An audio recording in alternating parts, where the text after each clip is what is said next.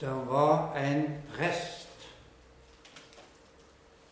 som døde i 1841 borte på Østlandet. Og han hadde en svoger. Han het Delfin. Han hørte om dødsfallet, så han reiste av sted eh, og skulle trøste kona hans, selvsagt, og, og være med i begravelse. Og så fikk han bo der i huset da. Og eh, der lå det ei bok. Skrivebok. Tjukk skrivebok. Og det var kona sin bok, altså kona i det huset, enka, som eh, skrev ned saker og ting når hun eh, fant på noe, enten det var et dikt eller et eller annet. Og mens han satt der da og tenkte over det som hadde skjedd En svoger var død, og han var òg en Herrens tjener. og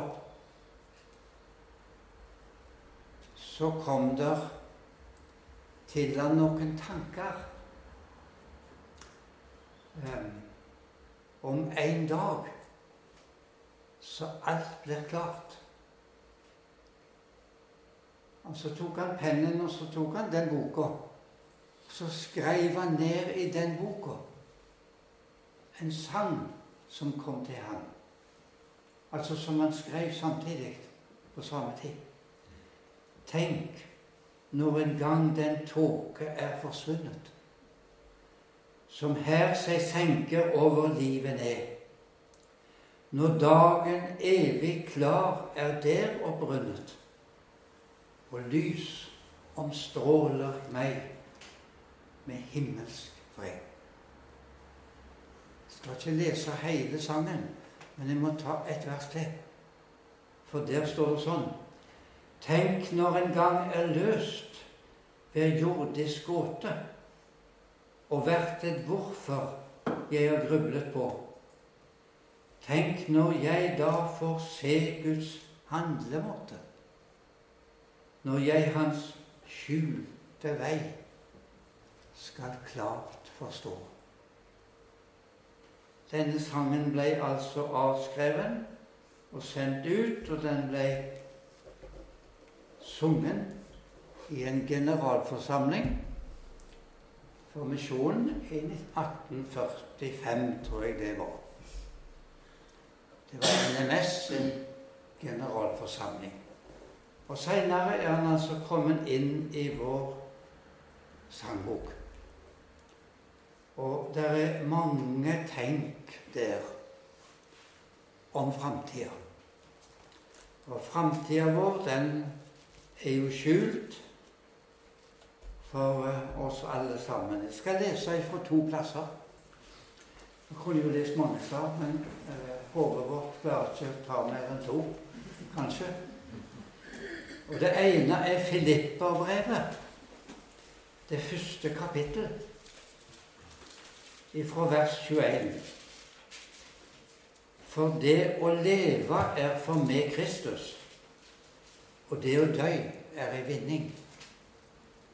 Men dersom det er at jeg lever i kjøtet, gir frukt av arbeidet mitt, da veit jeg ikke hva jeg skulle velge. Jeg kjenner meg dregen til begge sidene. Jeg har hug til å fare herifra og være sammen med Kristus. For det er så mye, mye bedre.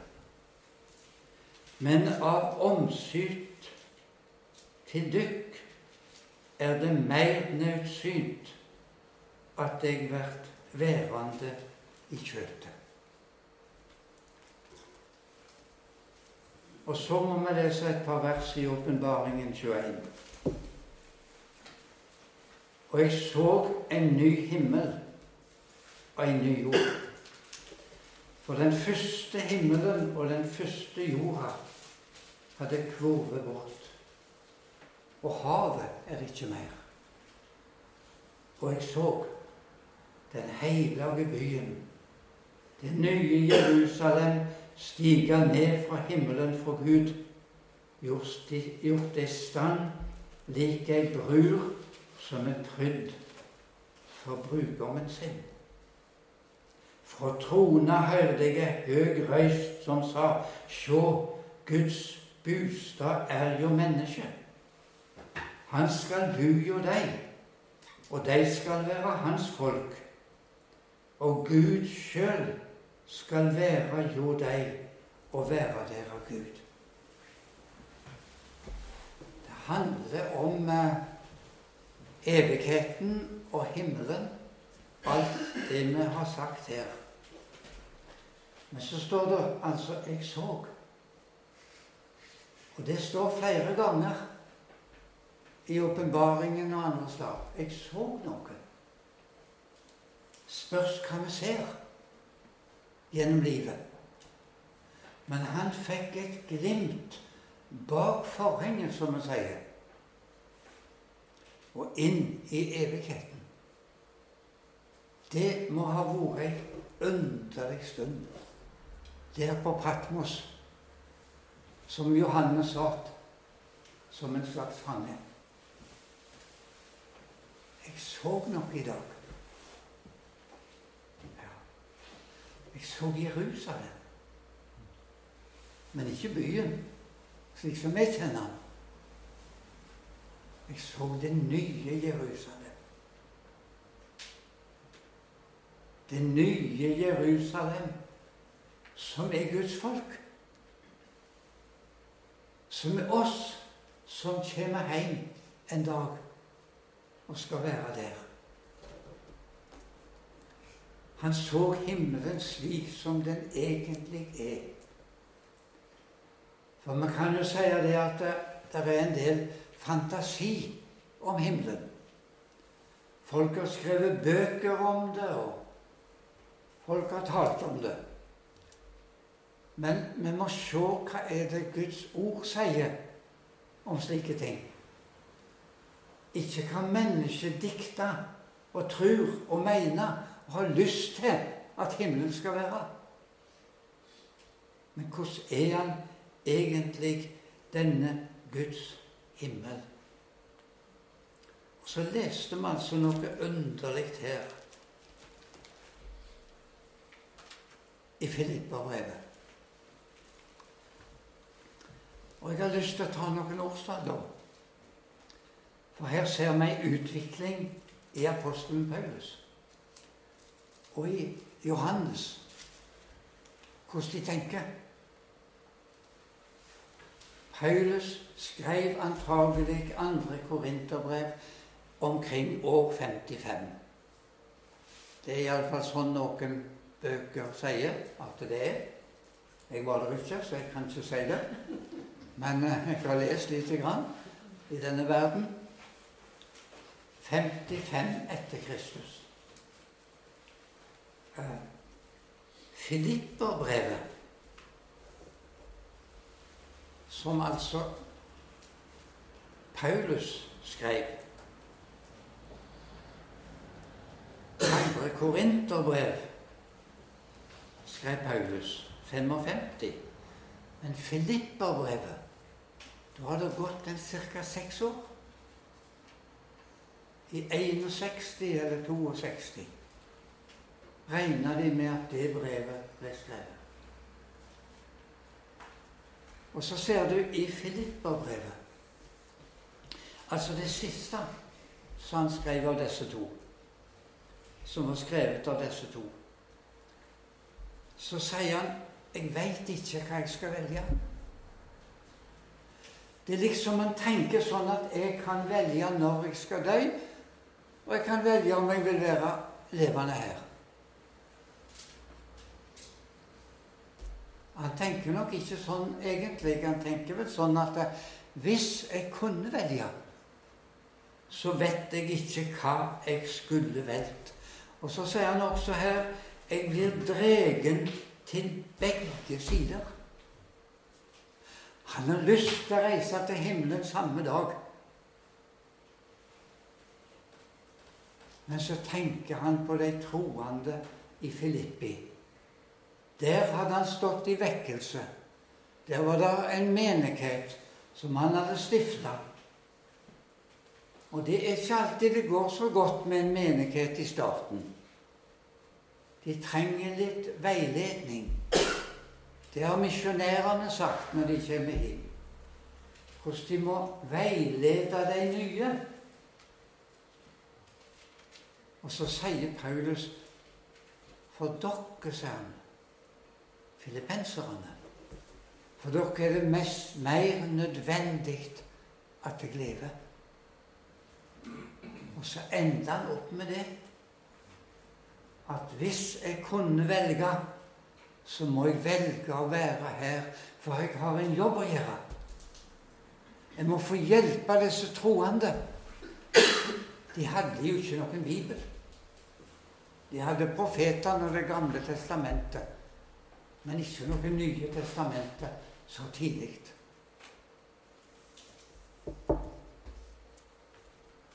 Han måtte hjelpe de troende, og så visste han det at det var en mengde mennesker som gikk på fortapelsens vei.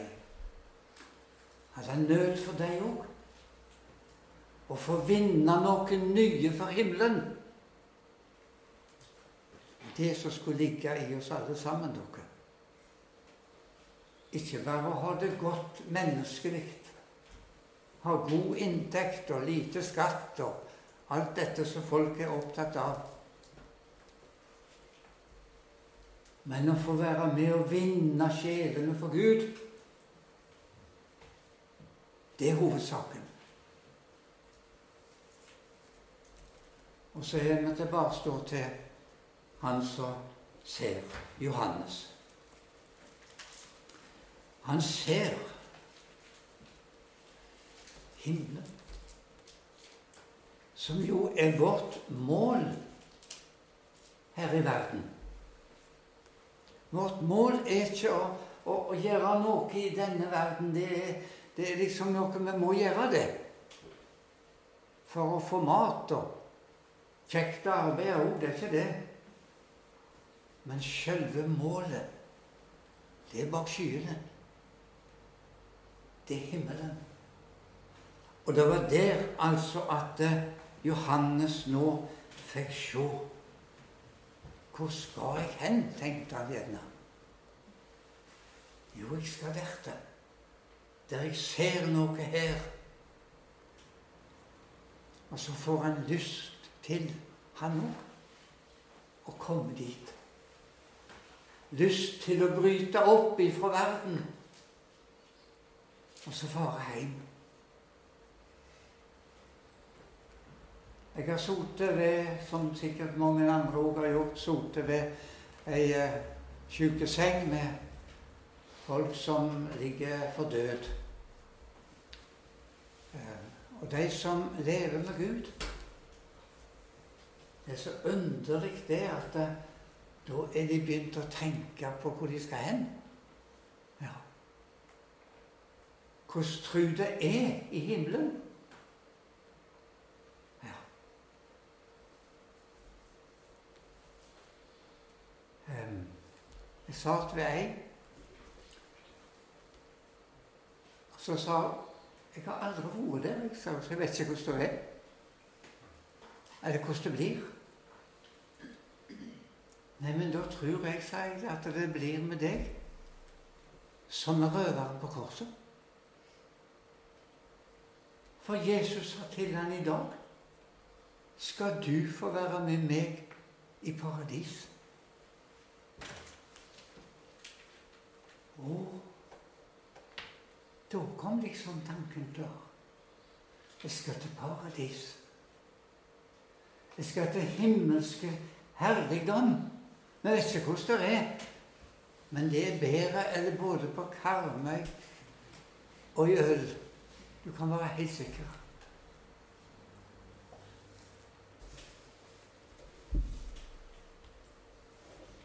Hva er det som gjør det spørsmålet?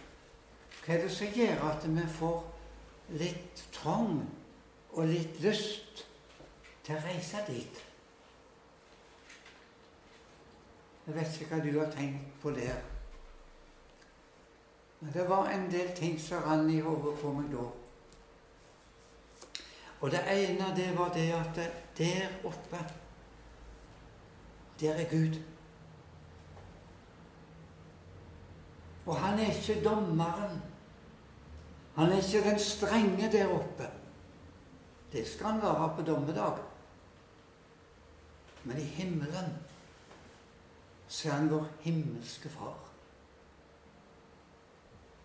Og hver eneste en av oss som kommer til himmelen, vi er barn av Gud. Og har Gud sjøl som far, som hjelper sine, som trøster sine, så skal han ta imot oss. Gud er der. Vi skal møte Han. Her ser man bare i tanken. Men når vi kommer der, dere, skal vi se Han sånn som det er. Mange har lurt på hvordan Gud ser ut. Men en dag skal vi møte ham. Det er andre som gjør det, det er at det der, der er Jesus. Og han betyr jo veldig mye for oss som tror. For Guds barn så er han blitt alt for oss. Det var han som kalte oss. Det var han som gav oss livet. Det var han som hjelpte oss gjennom alle ting gjennom livet. Så å kunne løfte hodet og være frimodige. Jeg er jo på himmelvei. Og der skal jeg møte Jesus. Ikke djevelen. Han skal aldri komme til der. Her får han å luske rundt omkring iblant folk og lure noen til synde og gå på ville veier. Men han er utestengt der du kan være sikker. Skal vi se han også? Han var jo et menneske, så han ser vel ut som et menneske. I ungdommen så lærte jeg en sang. Jeg har glemt den, unntatt ei strofe. Det har tont for meg hele tida. Jeg skal kjenne Han på sårene. Han kommer imot meg. Han løfter armer. Det er ikke en engel. Det er ikke en annen troende men han har sår, naglemerker. Skal vi kjenne han igjen på naglemerkene? Der er han. Det er Jesus. Det er Frelseren. Det er han som har betydd så utrolig mye til. Vi vil nok se etter kjenninger og slekt og, og venner som vi visste var på himmelvei. Jeg har vært så heldig jeg har lært å kjenne folk i store deler av Norges land. Troende mennesker som jeg fikk lov å hilse på og kjenne. Og så tenker jeg skal jeg møte dem? Skal jeg få se dem når jeg kommer fram? Og jeg tror det Jeg har grunn til å tro det at far og mor reiste til himmelen. Og begge besteforeldrene har jeg vitnesbyrd om. De var troende. Skal jeg få se dem òg? Selv om begge bestemødrene de har jeg sett og hilst på.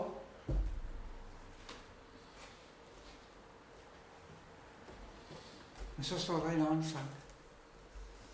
Og der står det sånn I himmelen er det mange ting jeg ønsker å få se. Men Jesus vil jeg møte først av alt. Det blir ikke familien vår og slekta vår som betyr mest når vi går inn perleporten. Men Jesus, hvor er han? Skal vi se han på naglemerkene. Det var du som døde og betalte for mine synder.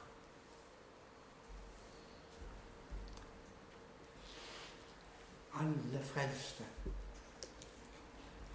Og som er frelste når de dør. Det er noen som var det i ungdommen. Så kom de ut i verden. Jeg har hatt telefonsamtaler med en flere ganger og prøvd å få sagt til han Nå er det tid. Han er 90 år. Nå er det tid å komme. Nei, det betyr ikke noe, det, sa han. Så det er nok noen vi ikke ser i himmelriket, som gikk bort. Og det er fryktelig. Det sliter meg litt. Grann. En fjerde ting som ikke er i himmelen vi har sagt det, så er det, men det er noe som ikke er der. Det er ingenting vondt. Ingen synd. Ikke noen stygge folk, for å si det sånn. Alt det vonde er forsvunnet. Det syns jeg er en gledesgrunn. For her møter vi så utrolig mange som er syndige. Og som elsker å gjøre det som er galt, liksom. For de har lovt alt. Jeg håper ikke du er av dem, altså. Jeg håper du vil være av deg som bøyer ditt hode og sier 'Jesus, jeg må få være din'. For alt i verden må jeg få være din og gå på dine veier. Og så står det i Bibelens siste blad De redde og de vantro er utenfor. De må stå utenfor porten når den blir lukka. Og så har jeg en gladmelding. Det er enda rom. Det er enda plass. Enda en gang kan du komme og si ja. Jeg vil. Har du gjerne slekt og venner som er utenfor? Skal du vite det at ennå er døra åpen. Himmeldøra står der åpen og sier 'Kom til meg'. Alle det som strever og har tungt å bære, Så meg skal det få hvile dere ut. Alle minnene om sorg og vondskap de viska bort. Du tar dem ikke med deg inn i himmelen. Og alle grunner til nød og synd og vanskeligheter er borte. Jeg har møtt kristne som er motløse på det fordi at de syns det er så mye som hindrer dem. Mye vanskeligheter i livet. Og det er ikke lett alltid her i livet. Somme får det lett og godt. Og jeg må si jeg er en av de som har mye å takke for gjennom livet. Og så har jeg møtt de som er nedfor. I sykdom, i nød og i vanskeligheter på flere vis. Og så må du få lov å komme til Jesus dag for dag og sier til han jeg kommer i dag og ber om nåde. Og ber om velsignelse over mitt liv, så jeg får komme inn. Ingenting som er større enn det å få komme inn. Jeg var 14 år ca. når jeg tok imot evangeliet. Jeg har gått litt opp og ned med livet mitt. Hele tida fikk jeg lov å kjenne en naglemerkt hånd som holdt meg og reiste meg opp igjen og førte meg videre. Og det vil han gjøre med hver en av oss. Himmelske Far, jeg vil takke deg for frelsen og for evangeliet, og for at du er så usendelig god imot oss mennesker. Og så ber vi for bygd og by og land og folk. Herre Jesus, om du kunne fått frelst noen flere. Vi trenger ei vekkingstid over landet, Jesus, der sjelene kommer i nød for seg, seg sjøl og for andre. At folk ikke må vende om til deg. Vi ber i Jesu navn og for Jesus skyld. Amen.